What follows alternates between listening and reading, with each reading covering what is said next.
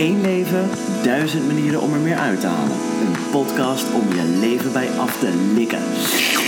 Wij, Ruben Klerks en Tim Daderop, onderzoeken voor jou hoe jij meer uit het leven haalt.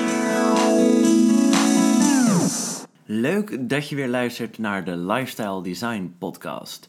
Deze week smartphones. They rule the world and they rule us. Dat we verslaafd zijn is duidelijk. Tussen onze notificatieshotjes door hebben we nog net de tijd om ons af te vragen: wat is nu eigenlijk de impact van smartphones op ons leven en op onze maatschappij? We hebben het erover met Wouter van Noord. Ik ben soms wel verbaasd over hoe weinig dit thema op de agenda staat. Want dit, dit raakt gewoon aan de toekomst van de democratie. Wacht, wacht, wacht! Abonneer je eerst even op deze podcast hier op jouw podcastkanaal. Dan krijg je elke week wat lekkers van ons.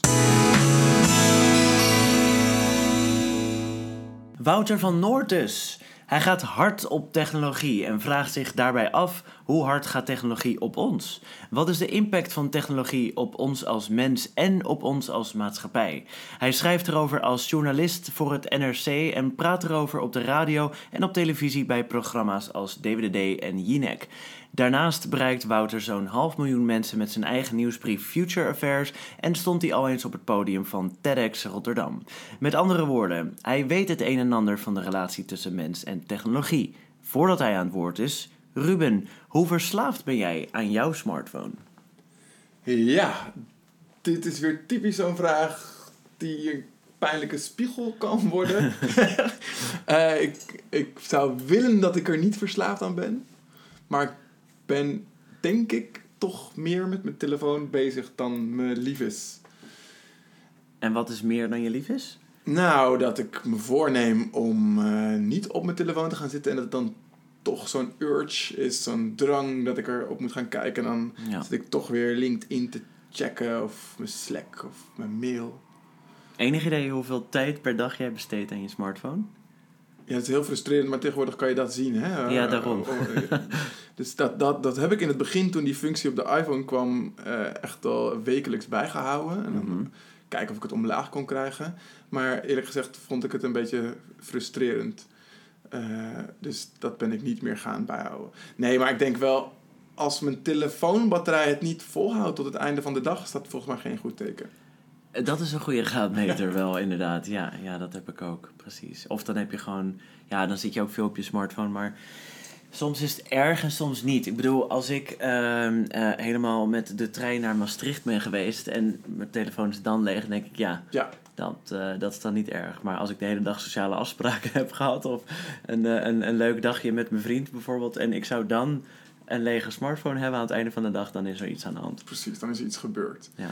Ja, nou ja, wat ik ook wel merk is, um, ik ben er ook wel echt bewust mee bezig. Dus ik heb alle notificaties van mijn telefoon uitgezet. Uh, een tip van een uh, eerdere aflevering. Ja. Volgens mij toen we met uh, Jelle Drijver, ja. denk ik. ja, ja, heb ik ook gedaan. Ja. en dus dat werkt best wel goed. Maar het feit dat dat soort dingen nodig zijn, geeft eigenlijk al aan dat we te maken hebben met een verslaving, denk ik. Ja, ja dat denk ik ook wel. Ik zit altijd in de bus of in de trein of de metro om me heen te kijken. En dan zit iedereen natuurlijk op zo'n scherm te kijken. Ik ook. Ik bedoel, wat ga je anders doen? Ja, een boek lezen. Ik doe dat of op mijn smartphone. Ik denk toch meestal op mijn smartphone, want uh, met korte ritjes pak je net even wat makkelijker je telefoon ja. erbij dan een boek of zo. Maar dan vind ik dat er altijd toch op een of andere manier uh, heftig uitzien. Dat we allemaal zo ja. in onze eigen wereld zitten. En dat we heel veel. Bijvoorbeeld, vandaag stonden wij samen in de rij voor in de supermarkt.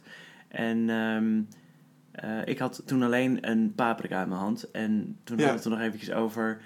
Uh, vroeger zouden er misschien meer mensen geweest zijn die dat hadden gezien.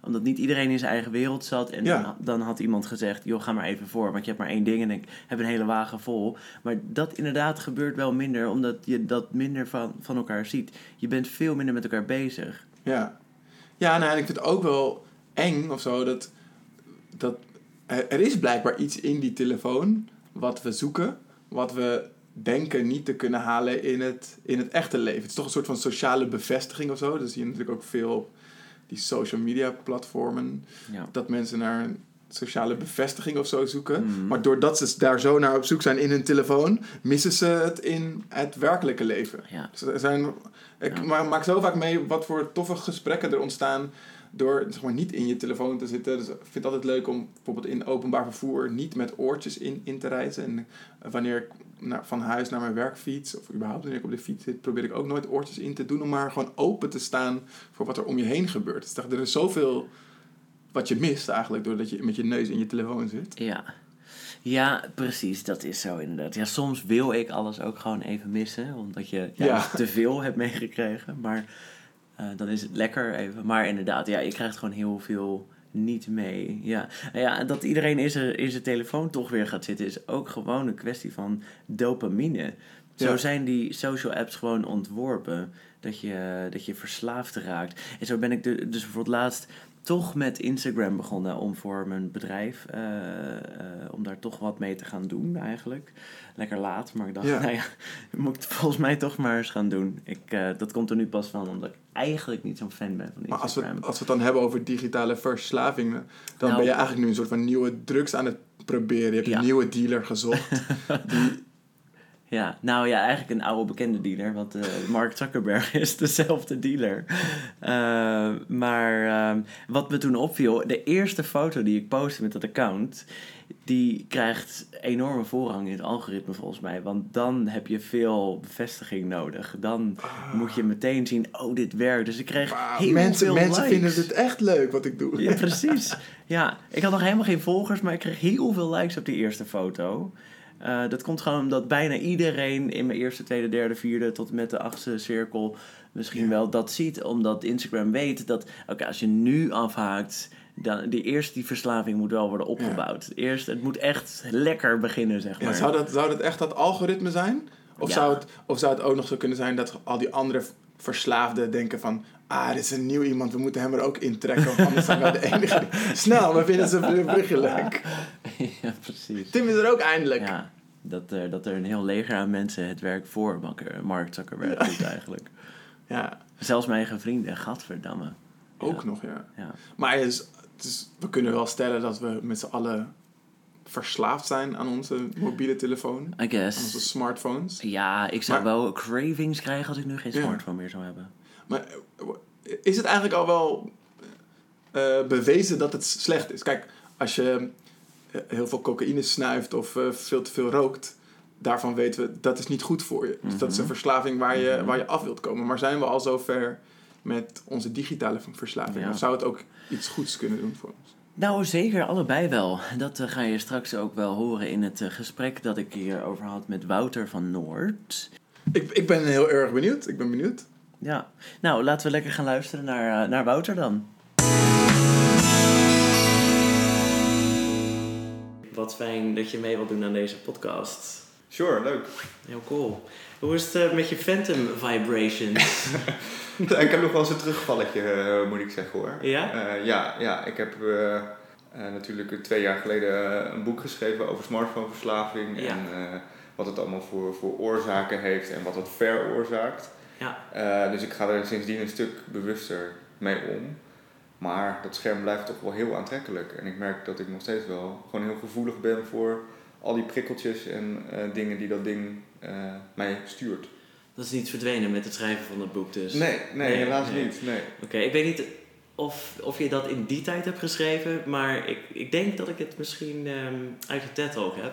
Maar je, je zei toen dat je, toen, oh, mei 2017 heb ik hier in mijn notities staan. Kijk. Toen zei jij, 3,5 tot 4 uur per dag zit ik toch al op de smartphone. Dus ik ben benieuwd hoe het daar nu mee staat. Ik, het is nu een stuk minder. Ik denk dat ik nu 2,5, 3 uur Oh. eh, ongeveer erop zit. Goed, dat is nog steeds fors. Hè? Dat is nog steeds, Ja. wat is het dan? Eh, iets van een vijfde van de tijd dat ik wakker ben, zit ik eh, aan een scherm. Als het zo bekend En, en, dat is dan, en dan heb je met die smartphone nog maar één scherm te pakken. Terwijl ik werk ook achter mijn laptopje. Ja.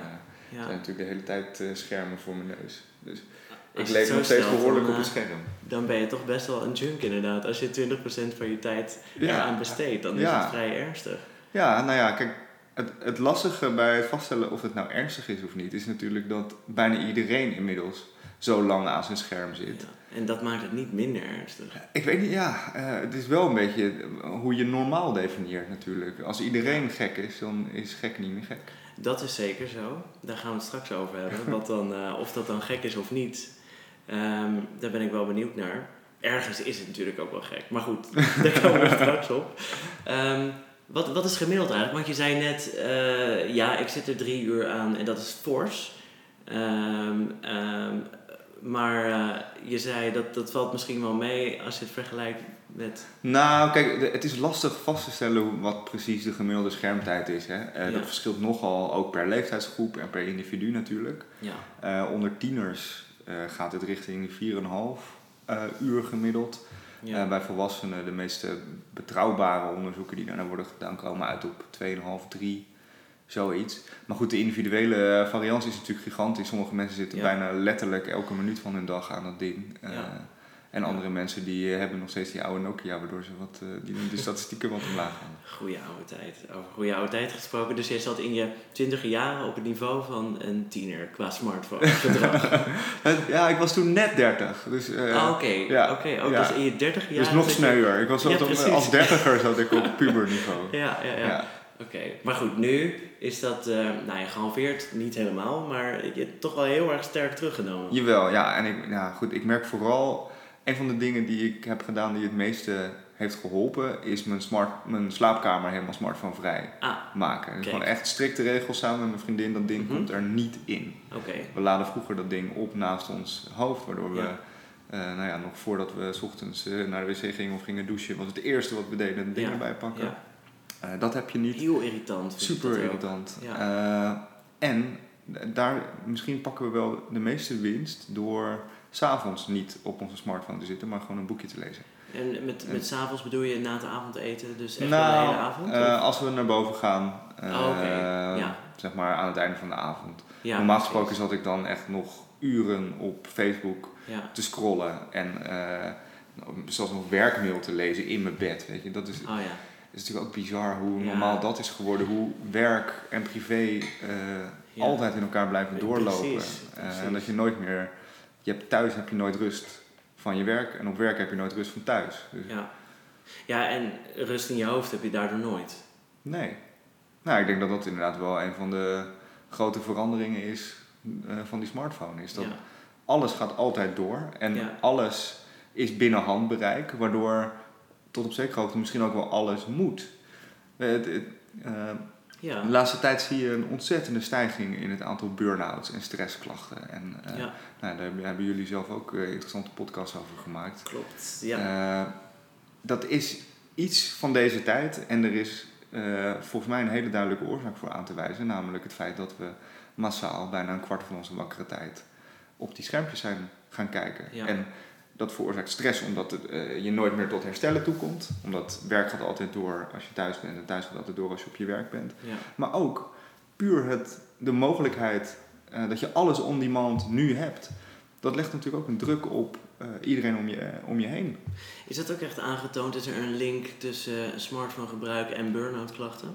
Er is in ieder geval een mechanisme waarvan bekend is dat het burn-out veroorzaakt. En dat is een gebrek aan hersteltijd. Dus eh, dat is precies wat ik net beschrijf. Je hebt om een burn-out te voorkomen eh, hersteltijd nodig. Je hebt even tijd nodig dat je uitstaat, dat je even niet aan het werk bent En of even hebt. van, van, van werk bijvoorbeeld. Bijvoorbeeld van werk of andere Ja. stress. Kijk, Ja, Het, eh, eh, werk kan natuurlijk stress veroorzaken, maar thuis kan ook best wel wat stress veroorzaken, kan ik me zo voorstellen. kan van alles zijn. Ja, en als jij thuis stress hebt en je krijgt eh, op je werk daarvan ook nog de hele tijd appjes binnen. En, Ja.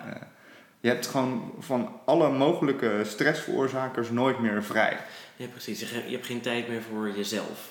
We vervelen ons te weinig. Ja, nou, verveling, dat is inderdaad ook Ja. nog zoiets moois. We- Dat, dat, verveling is gewoon een soort van cruciale stand van het brein. Hè? Dat- is heel belangrijk voor het ontwikkelen van creativiteit, voor het Ja. leggen van verbindingen, voor het eh, doen van allerlei onbewuste taken in je brein. En we komen daar nooit meer aan toe. Ja. En het erge is dat je hebt nog een andere soort van standaard stand in het brein. Geconcentreerd, focus, dat is die, de eerste stand. En de tweede is de, het standje verveling. Zijn door die afleiding van die apparaten ook de hele tijd niet meer gefocust. Nee, Dus we, precies. de, de, de, de wip van onze eh, mentale eh, gesteldheid, die staat de hele tijd een beetje in dat niksige midden, in plaats van dat we lekker gefocust of juist eh, ons een beetje aan het vervelen zijn. Precies, want een van, in, in een van onze ehm, eerdere podcastafleveringen kwam aan bod dat na elke attention switch duurt het 23 minuten voordat je weer de focus hebt Ja. die je had voordat je switchte. Ja. Ik geloof dat de meeste mensen echt wel één keer per 23 minuten op hun smartphone kijken. Of in ieder geval heel vaak. Ja, dat moet wel. Als je aan die 4,5 uur eh, voor tieners wil komen, dan moet je haast wel elke 23 minuten kijken. Tenzij je in één keer dat achter elkaar doet. Ja. Eh, maar dat is natuurlijk niet zo. Nou, ik Maar vind dus dat ook wel herkenbaar. mij dat heel veel mensen gewoon eigenlijk nooit meer in hun focus zitten. Altijd aan het herstellen, terug naar die Ja. focus en weer terug en weer terug voordat je die focus weer hebt. Maar dat, dat blijkt ook wel uit diverse studies. Hè? Eh, onlangs nog, in eh, begin mei, was er een, een studie in Nature waaruit bleek dat gewoon de gemiddelde aandachtspannen van mensen Mhm. aan het afnemen is de laatste jaren. En dat daardoor bijvoorbeeld ook eh, bepaalde culturele en maatschappelijke trends gewoon meetbaar korter worden. Omdat we gewoon minder tijd hebben om onze aandacht erbij te houden. Kun je een voorbeeld noemen? Nou, je ziet het misschien wel een beetje met politiek activisme ook. Hè? Je hebt heel veel hele heftige politieke bewegingen de laatste tijd. Het is best wel gepolariseerde discussie. Maar wat er nou echt van overblijft, zo'n Arabische lente, zo'n sociale media revolutie, daar is eigenlijk heel weinig meer van over. Of neem Occupy. Een paar, dat was eh, rondom de financiële crisis eh, de protestbeweging. Mhm. Vooral via sociale media aangewakkerd. Ja. Daar is eigenlijk heel weinig van overgebleven. En Dus Ja. de, de ondergang van Wilders, dat hebben we straks misschien wel te danken aan, eh, aan de smartphone. Misschien heeft u dat De wel aan zichzelf te danken. Maar, ja, dat, eh, dat, ik, ik denk dat dat het is. maar Maar, wat is- misschien dus hoe meer we op onze smartphone zitten, hoe groter de kans dat Thierry Baudet straks... nou ja, hij surft nu wel heel erg op een golf in die aandachtseconomie. Ja. Waarvan denk ik wel een terechte vraag is hoe lang die golf gaat aanhouden. Want ja. dat, dat heeft ook te maken met aandacht werkt een beetje als een spier. En die moet je Mhm. trainen. Op het moment dat je hem niet traint, wordt die slapper. En dan ben je dus makkelijker afgeleid. En er zijn onderzoekers die dat bijvoorbeeld vergelijken met ADHD. Eh, het is niet zo dat we allemaal eh, aan de Ritalin moeten omdat we eh, zo smartphone verslaafd Nee, zijn. precies, want laten we daar ook voor oppassen. Ja. Dat we dus nu niet de indruk wekken dat mensen die eigenlijk minder op hun smartphone willen zitten denken: oh, maar als ik één keer per dag Ritalin neem, dan kan ik net zo goed op mijn smartphone. Want dat is nog een andere trend die je op dit moment ziet. Dat, Oh, is dat zo? mensen Ritalin gaan gebruiken om Ritalin beter, om weer beter te focussen. om beter te presteren. Ja, en in Amerika heb je Ja. ontzettend veel mensen die eh, Ritalin, en ik ben even de naam van dat andere stofje kwijt. Ah, ja, en volgens mij heet in Amerika Adderall. Adderall, Adderall, Ja. ja, precies. Ja. Steeds meer mensen die dat, ehm, eh, met name in de grote stad, zeg maar, in een high competitive eh, environment, waar mensen dus gewoon Ja. om standaard beter te presteren, standaard aan de shit zitten. Ja, het is wel grappig dat je dit noemt, want er er zijn natuurlijk allerlei middeltjes en, en trucjes en soort van quick fixes om de grote nadelen die we ervaren door die smartphone, zoals die stress, zoals de constante afleiding erdoor op te vangen. Mhm. Je hebt de laatste tijd ook heel, eh, eh, hele hype rondom meditatie-apps. ja. Hartstikke Ja, handig, hè? Ik, ik, gebruik ze zelf ook best wel veel eh, en heb er, best wel, heb er best wel wat aan. Maar ik ben laatst ook een beetje gaan praten met meditatie-experts en mensen die al veel langer in die mindfulness-traditie zitten. Mhm. En die zijn heel kritisch op die mindfulness-apps, omdat, het, omdat het een manier is om even snel tijdelijke verlichting te zoeken. Om vervolgens wel weer mee te draaien in diezelfde tredmolen. Je, Ja, ja, je, ja, je, je pept precies, jezelf op om beter mee te draaien in een systeem dat eigenlijk niet deugt. Ja, ja, ja, ja. Ja, misschien moet je zeggen, ik zou mezelf niet op, hoeven, op moeten hoeven peppen. Misschien is het ook gewoon oké zo. Ja, en eh, volgens mij zie je ook wel dat langzaamaan beginnen er ook wel wat bewegingen te ontstaan en strategieën bij mensen om, nou ja, eh, in ieder geval al bewust over dit onderwerp te praten. Dat is de laatste jaren echt heel erg Ja, gegroeid. ja. Eh, je hebt zo'n digital detox beweging, je hebt eh, allerlei plekken en kampen waar je naartoe kunt en je telefoon in een, in een tas moet achterlaten en dan even helemaal één bent met de natuur. Ja, dat, dat vind ik allemaal heel tof en interessant. Alleen dat zijn natuurlijk weer.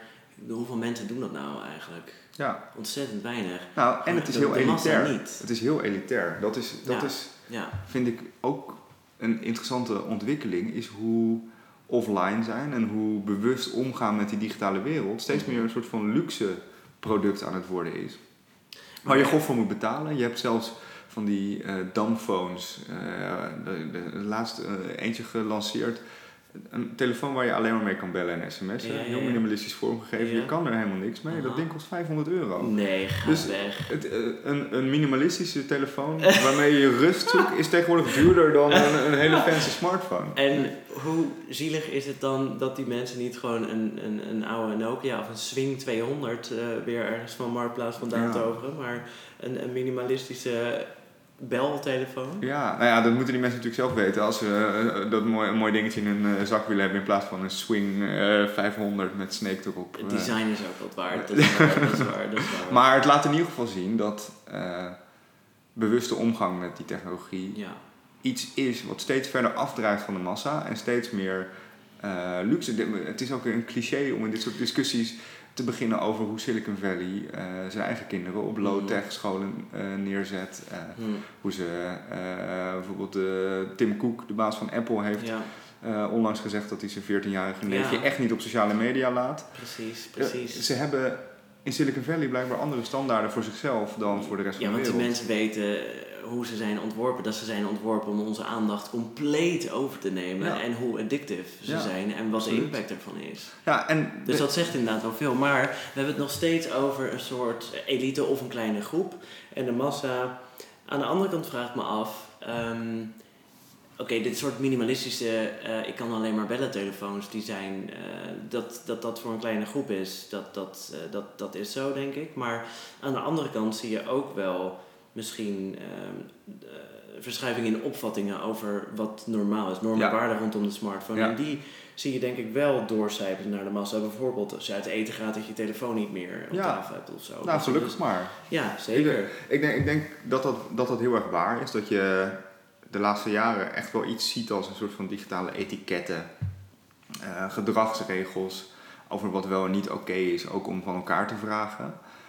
Alleen die gedragsregels zijn, die zijn wel net zo goed of slecht als de zwakste schakel in je vriendengroep. Ja, Eh, ik merk zelf ook dat ik bijvoorbeeld op mijn werk bij sommige groepjes zijn er hele strikte regels voor of halen mensen het überhaupt zelf niet in hun hoofd om in het weekend en s'avonds laat nog te appen.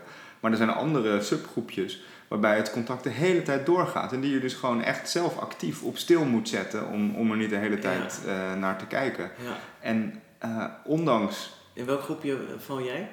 eh, nou ik, eh, op zaterdagen probeer ik mijn telefoon altijd gewoon helemaal eh, in de lader te laten. Mhm. Ik moet eerlijk zeggen, ja, ik heb dus ook. Ik, ik, ben- ik ben ook niet heel erg strikt in de leer, merk ik soms. Dat als je. Omdat je het niet nodig hebt of omdat je, het je niet lukt?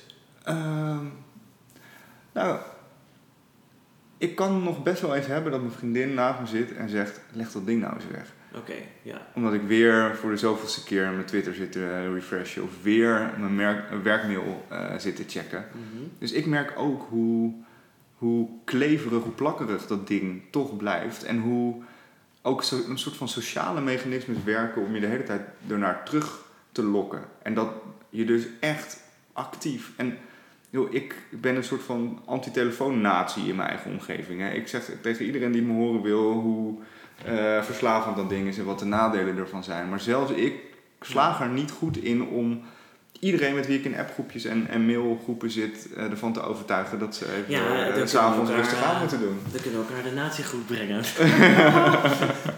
Ehm, ik, ik doe een beetje hetzelfde inderdaad. Ja. Ehm, ja. En ik merk dat er... ik stuit op best wel veel weerstand. Of teleurstelling. Dat ik gewoon zie... ja, wat ben ik nou eigenlijk aan het doen? Eh, niemand eh, gaat er echt in mee. Hier, het ligt een beetje aan de setting. In een groepje misschien eh, niet... Maar als je met één of twee mensen bent, dan lukt het wel vaak. En dan hebben mensen ook, nou, dat is eigenlijk wel een goed idee. Ja, Maar in een groep is er geen begin aan. ik merk wel dat bij, me, bij me, de mensen die dichtst bij me staan, die weten dat ik vaak niet meteen reageer.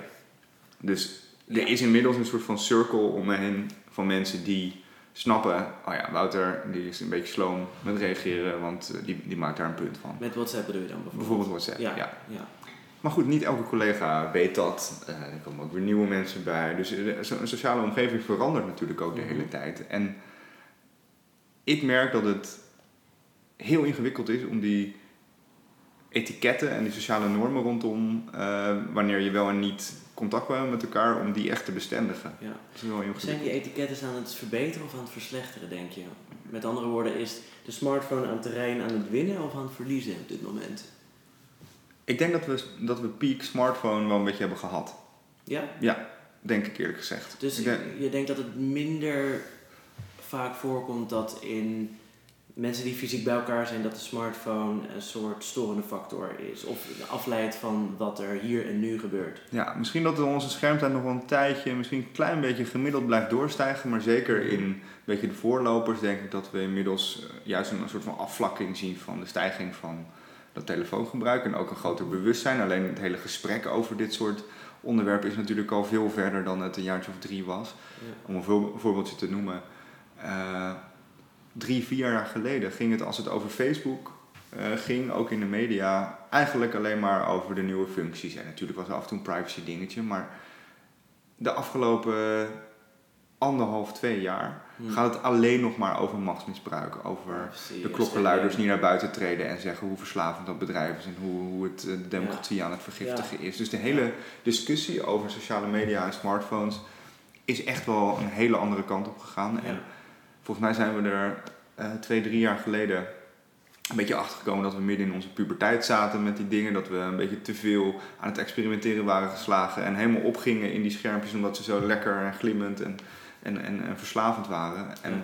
langzaamaan worden we volwassen, is mijn indruk. Ja, dat zou wel goed kunnen. Zijn we dan, eh, zeg maar, massaal aan het afkicken van eigenlijk dopamine? Want uit onderzoek blijkt dat al die notificaties en Ja. de drang, dat wordt nou, eigenlijk allemaal gestuurd door dopamine. We zijn Ja. allemaal eigenlijk dopamine verslaafd. Zijn we dan aan het afkicken of zijn we, hebben we misschien andere manieren gevonden om die dopamine ergens, ergens anders vandaan te halen? Ja, dat is een goede vraag. Ik weet niet per se of we massaal verslaafd zijn aan dopamine, maar wat, dopamine speelt in ieder geval een heel belangrijke rol in het mechanisme waarmee die bedrijven je de hele Ja. tijd Ja. teruglokken met beloningen, met ook nog zeg maar precies dezelfde soort trucjes die ze in gokkasten inbouwen en Mhm. eh, eh, van, van algoritmes die eh, herkennen als jij een nieuwe profielfoto op Facebook zet. En dan weten ze, jij bent kwetsbaar, jij bent, je wil nu likes krijgen.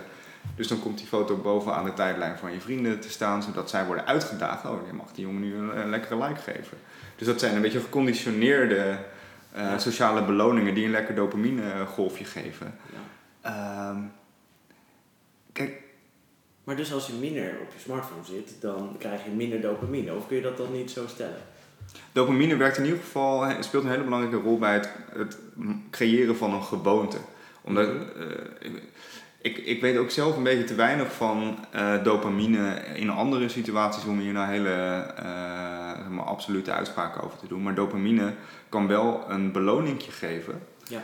En beloningen zijn super belangrijk bij het kweken van gewoontes. En daar zijn die bedrijven eh, en is die smartphone eh, zo ongeëvenaard goed in. Is het creëren van een gewoonte. Dus Ja. iets wat je onbewust doet in plaats van dat je daar de hele tijd bewust voor moet kiezen. Net zoals tandenpoetsen, net zoals fietsen. Met hetzelfde automatisme pak je je smartphone op. En dat komt wel een beetje door dopamine. Ja, precies. Dus is het ook ongelooflijk knap van de voorlopers dan, om even in jouw woorden eh, te blijven, dat we minder op ons smartphone zitten. Dat, dat, dat we volwassenheid aan het bereiken zijn. Ja, maar het is ook best wel knap, hè? We moeten echt wel bewust ook eh, afstand daarvan nemen. Eh.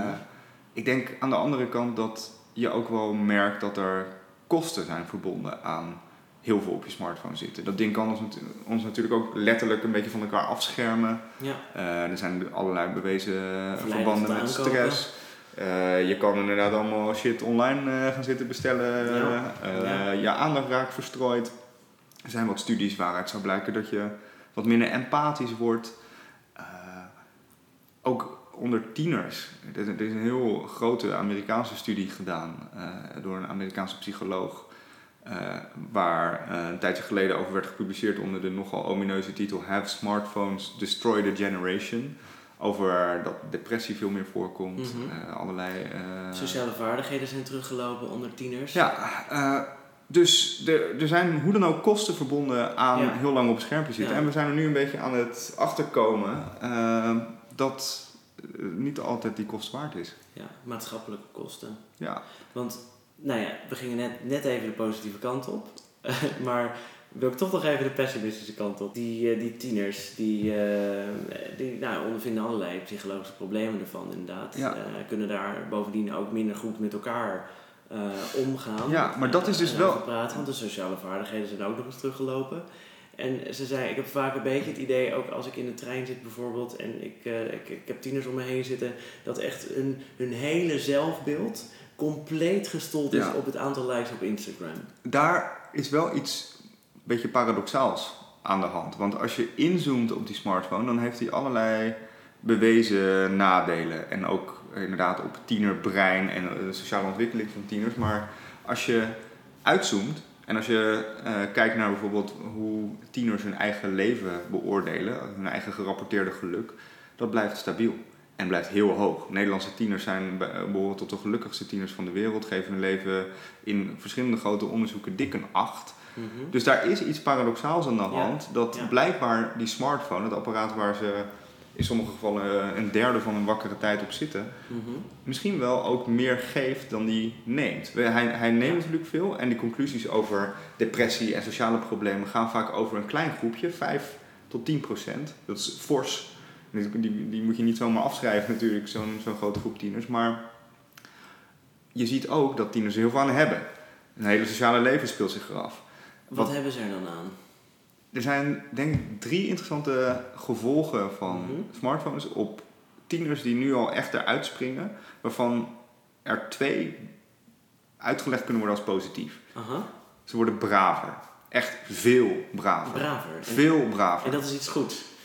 Dat, eh, daar kun je over twisten, maar ze eh, vinden zichzelf niet saaier. En ze, ze, vinden, ze geven hun eigen leven dus nog steeds een heel hoog cijfer. Ja. Ze plegen, vergeleken met tien jaar geleden, in de hele EU gemeten 42% minder misdaden. Dat is echt een forse daling. Omdat ze daar niet meer aan toe komen, omdat ze op een smartphone Ja, als je een uurtje zit eh, te Fortnite of Ja. te Snapchatten, Ja, kan je niet eh, een uurtje pikkie stoken. Ja. Ehm, ze hebben gemiddeld een jaar tot anderhalf jaar later voor de eerste keer seks. Ook daarvoor kun je weer eh, discussiëren, is dat goed of slecht? Dat wilde ik net gaan doen. Ja, ja, ja. Ehm, dat lijkt mij saai, maar ehm, ook zijn daar... allemaal brave ontwikkelingen inderdaad. Maar eh, drugs, eh, alcohol, alles omlaag. Weet je, de, de, de, de volkswijsheid, Maar alle tieners, ook? zeggen, alle tieners zeggen nee tegen MDMA. Is dat zo? Ja. ja? Minder. Ja, Echt? enige druk die de laatste tien jaar volgens het Trimbos Instituut omhoog is gegaan, is lachgas. Ja, En- ja, precies. Zijn het dan niet de twintigers die dat ontzettend compenseren? Want Dat is jij een goede weet- vraag. Ja. Ja, want jij weet het, en de dertigers ook nog wel. Ja. krijgt het ook Ja. op festivals. Ja. Jij weet net zo goed als ik eh, wat daar eh, het eh, algemene Nou standpunt ja, is. er wordt niet alleen maar paracetamol gebruikt. Maar, Nee. ehm, het, maar dat is dus een beetje het paradoxale beeld. Je zou denken, die smartphone geeft toegang tot de hele wereld. Als je kijkt naar seks, Tinder, porno. eh, Ja. eh, ze kunnen Ja. de hele dag door eh, plaatjes naar elkaar sturen. En toch hebben ze anderhalf jaar later seks. Ja. En die braafheid, ik bedoel, daar kun je negatief over oordelen. Maar zij zelf zijn daar niet negatief over. Aan de andere kant heb je wel dat ehm, de beleving van seks, dat daar wel allerlei dingen mee aan de hand zijn. Omdat ze hun beeld van seks vaak op porno baseren. Ja. Ehm, kunnen Ja. mannen vaak ook wat minder goed met vrouwen omgaan. Is de seks misschien ook wat teleurstellend? Ja, dat- ook meer mannen je- die dan teleurgesteld in Als je, over, zijn? als je echt inzoomt op seks, dan kun je daar heel veel verschillende eh, onderzoeken over vinden. Eh, en er zijn ook wel onderzoekers die zeggen dat er een soort van seksrecessie aan de gang is. Want jongeren hebben minder seks, later seks. eh, rapporteren ook wat minder tevredenheid over die Ja. seks. Ja. Eh, ik, ik probeerde het een beetje te plaatsen in het kader van die braafheid. En die braafheid in het algemeen maakt die jongeren niet per se ongelukkiger.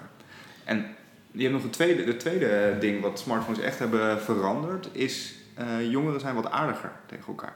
Dat blijkt ook uit diverse onderzoeken. En ze zijn wat betrokkener met de wereld. Dat is ook best wel logisch. In je Instagram feed zie je natuurlijk eh, alle sociale protesten voorbij komen. Van PETA tot... eh, ik sprak laatst met een groepje eh, tieners die vertelden over bijvoorbeeld dingen die ze voorbij zien komen over de anti-abortuswet, zelfs in de VS. Ja, precies.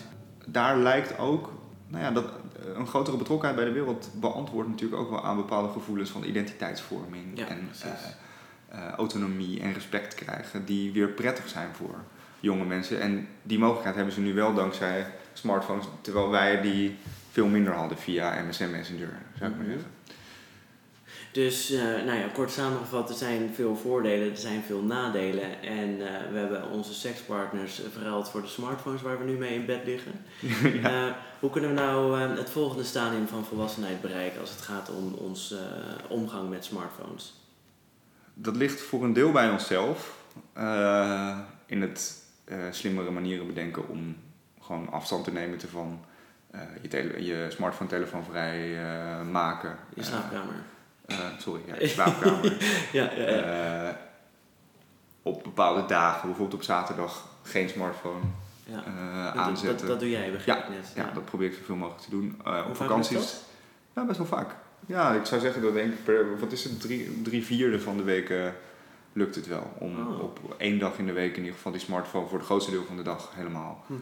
niet eens mee te nemen. En op vakanties gaat hij het liefst ook niet mee. En dat lukt ook best wel goed. Oké. Neem je dan een soort eh noodtelefoontje mee? Ja, dan heeft mijn vriendin heeft vaak dan wel een telefoon mee voor, Ja. voor noodgevallen. En dan app ik naar mijn ouders van joh, ik ben weg. Oh ja, En als er iets aan de hand is met mijn oma, dan eh, ja, kunnen ze me zo bereiken. precies. Dus het zit een deel in dat soort strategieën. Gewoon zelf realiseren, er zit een uitknop op en je hoeft hem niet altijd mee te nemen. En Ja. de wereld stort niet in als je eventjes onbereikbaar bent. Precies. Ehm, maar er zit ook een soort van valse belofte, vind ik, in die belofte van digital detox. Want die gaat natuurlijk over het individu, terwijl het een systeemprobleem is. Het gaat ook om etiketten Ja, eh, die je met elkaar afspreekt. Het gaat ook zeker zeg maar, werkgever-werknemer relatie en daar goede afspraken over maken. ja, En nog groter, en dat wordt misschien wel heel abstract en dan kun je misschien als individu weinig gaan doen, maar uiteindelijk dat de grote bedrijven die eh, de smartphone domineren, dus Facebook, Apple, Google, monopolisten zijn, die heel moeilijk te reguleren zijn, ja, die eigenlijk amper belasting betalen, ja. eh, hun beloften steeds niet nakomen. Eh, dat is natuurlijk onder, het onderliggende probleem waar we als maatschappij echt een oplossing voor moeten bedenken. En eh, ook daar zie je wel wat beweging, maar daar mag nog wel wat, wat, wat, wat tempo in komen volgens mij. Hoe zouden we dat tempo erin kunnen krijgen? Of zijn dat eh, te politiek zwaar eh, vragen? Nee, nou ja, kijk, we, we hebben natuurlijk allemaal mogelijkheid om te publiceren ook dankzij die smartphone. En eh, om politici achter de broek aan te zitten eh, om eh, dit soort issues aan te pakken. En Dat, Mhm. het is niet een oproep tot activisme of zo hoor. Eh, maar ik, ik, ik ben soms wel verbaasd over hoe weinig dit thema op de agenda staat. Want dit, dit raakt gewoon aan de toekomst van de democratie. Eh, het feit dat, het- dat monopolisten zijn betekent dat eh, we waarschijnlijk ook economische schade daarvan gaan krijgen. Eh, Als, je, als je de smartphone aan sociale media zou koppelen en je, zou, eh, je hebt het over bedrijven als eh, Facebook, Google, ehm, Apple, Samsung ook. Ehm, en je kijkt naar eh, de invloed die ze uitoefenen op, op verkiezingen, op, ehm, eh, nee, Ja. je weet toen wat er is gebeurd met Cambridge Analytica. Ja. Ja, dan zijn de gevolgen natuurlijk extreem. ja, Zijn er, zijn er tekenen dat we daarin hoopvol kunnen zijn? Dat er of spelers opkomen die het anders gaan aanpakken, of dat er regulering mogelijk zal worden die, die dit? allebei die- denk ik. Er zijn, er zijn wat tekenen. Het is heel lastig om te concurreren nu met de grote jongens, want dat zijn monopolisten. En die kunnen ook concurrenten opkopen en Ja. eh, zitten bovendien bovenop alle data. Dus ze hebben ook nog eerder door dan wie dan ook wat er groot gaat worden. Dat doet Facebook ook regelmatig. Die hebben ook. WhatsApp overgenomen. Precies. Eh, die hebben eh, ook eh, twee jaar geleden nog een appje opgekocht, wat eventjes op nummer 1 stond in de App Store. Even opgekocht om te voorkomen dat ze, dat ze nieuwe concurrenten bij kregen. Ja. Dat is natuurlijk heel schadelijk. Tegelijkertijd zie je dat er nieuwe technologieën komen die misschien een deel van de problemen kunnen ondervangen. Blockchain Ja. zou een oplossing kunnen zijn voor, voor privacy-achtige vraagstukken of in ieder geval machtsconcentratie bij een paar kleine Ja, spelers. precies. Het vermogen om te decentraliseren. Precies. Ja. En nu is het allemaal gecentraliseerd bij, Ja, bij ja. Facebook en Google. Ja. Maar dat is allemaal nog heel abstract. Ja. Maar je ziet bijvoorbeeld in Amerika eh, en eh, bij de Europese Unie al wel serieuze stappen en pogingen om eh, die bedrijven aan banden te leggen. En er gaan steeds meer serieuze stemmen op om ze op te breken. En dat is ook helemaal niet, niet zo nieuw. We hebben Hoe 100 zou jaar. dat eruit zien dan? Opbreken? Nou, dat bijvoorbeeld eh, eh, Facebook verplicht WhatsApp moet afsplitsen. Oh ja. Eh, en Instagram, dat is ook van Facebook. In een land als Amerika. Ja. Ja, maar je zou denken, kijk, ehm, Amerika is een land van vrijheid. Ja. Ja? En dat is ook een van de belangrijkste pijlers onder het beleid in de Europese Unie, vrijheid. En een land van bedrijven. En een land van bedrijven. Maar het is uiteindelijk heel slecht voor vrijheid en voor ook eh, kleinere bedrijven. Als er één partij zo groot is geworden dat je er niet meer omheen kan. Ja, ik ben het met je eens. Alleen als ik... ehm, ik heb nu alweer zin in de, in de primaries. Ik eh, Ja. kan me... Nou, oké. misschien zijn er nu een paar democratische kandidaten waarvan ik denk... die zijn het vast ook met ons Vergis je eens. niet, Donald maar- Trump zelf, hè? Donald Trump en eh, Steve Bannon, dus de grote, de grote Ja, eh, stratege van, Donald Trump en de oprichter van Breitbart. Ja. Hij is mordicus anti-big tech. Hij is heel erg voor het opsplitsen ervan. Zegt we moeten ze reguleren zoals nutsbedrijven. Ja. Dus links en rechts in de Amerikaanse politiek, daar broeit het idee van we moeten iets met die techmonopolies. En het Amerikaans conservatieve midden, zeg maar. Ja, dat is een, dat is een goede vraag. de macht nog steeds wel ligt als Donald straks dus hopelijk weer weg is. Ja, dat, dat, dat vind ik ook moeilijk. Ik ben, ben geen eh, analist van de Amerikaanse politiek. Maar wat ik wel zie is dat en hele serieuze democratische kandidaten, zoals Elizabeth Warren, Ja. eh, een echt een campagnethema maken van Big Tech. Dat Donald Trump zelf ook heel kritisch is op het monopolie van Amazon, eh, Mm. op eh, de censuur wat hij noemt via Ja, Twitter, ja. eh, Facebook linksbolwerk noemt. Dus hij komt een beetje vanuit een andere aanvliegroute, maar kijkt ook wel heel kritisch naar die macht van Ja. van grote techbedrijven. Dus daar, daar is iets aan het broeien en ik ben dus hoopvol dat we daar ook langzaam volwassener in worden en slimme oplossingen voor bedenken. Ah, interesting, oké. Nou, dan ben ik toch iets hoopvoller weer geworden over de toekomst. Tot die tijd is er nog een leuke ehm, eh, tip voor een individu, voor een luisteraar die je mee zou kunnen geven. Voor mensen die denken, ja, ik eh, heb dit allemaal eh, beluisterd en ik ben het er helemaal mee eens, maar ik vind het toch een beetje moeilijk. Hoe kan ik nou minder met mijn smartphone bezig zijn? Wat een andere, andere truc die bij mij goed helpt Of- is... Er volwassenen mee omgaan, Ja. laat ik het zo zeggen. Tip 1 is zet al je pushberichten uit. Eh, Pushberichten zijn echt de duivel. Dat, dat, dat zijn, die zijn puur bedacht om jou de hele tijd terug te lokken. Dus die kan je makkelijk gewoon allemaal uitzetten. Dat is heel simpel te vinden in het instellingenmenu. Ja. En als die pushberichten weg zijn, dan valt op dat die apps nog steeds best wel eruit zien als een soort van snoepwinkel. Al die kleurtjes en dingetjes. Ik heb, eh, ik kan het wel even laten zien, maar dat is voor je luisteraars niet zo heel, eh, heel handig. Maar mijn Misschien we het laten telefoon, horen. ja, mijn telefoon eh, is helemaal minimalistisch ingericht. Ik heb al mijn apps in. eh, Zwart-wit. ik heb een zwart-witte achtergrond. Ja, en ik ja, heb ja. al mijn apps in mapjes. Eh, Oh. Waardoor dat ding gewoon zo saai mogelijk is. Oh ja, oh, dit is heel minimalistisch. I'm liking it. Ja, oh Helemaal nice. zwart-wit en al mijn apps in Mm. mapjes, zodat het Precies, zo min mogelijk een snoepwinkel is. Ik moet actief Ja. zoeken, terwijl dat, in plaats van dat die apps de hele tijd mij zoeken. Ja, precies. Snoepwinkel achter een dichte deur. Precies. Ja. Ja. Hm. Oké, top. Dankjewel. Graag gedaan. Ja, kom maar even van die telefoon af. Heb je een idee voor een volgende aflevering? Wil je ons laten weten wat je van de podcast vindt? Of wil je meer weten over de podcast en over ons? Oh, dan toch weer even op je telefoon naar lifestyledesignpodcast.nl. Volgende week gaan we het hebben over de zin en onzin van agile werken. Ja, dan spreek ik met agile coach Zirian Salai. Oeh, tot volgende week. Doei doei!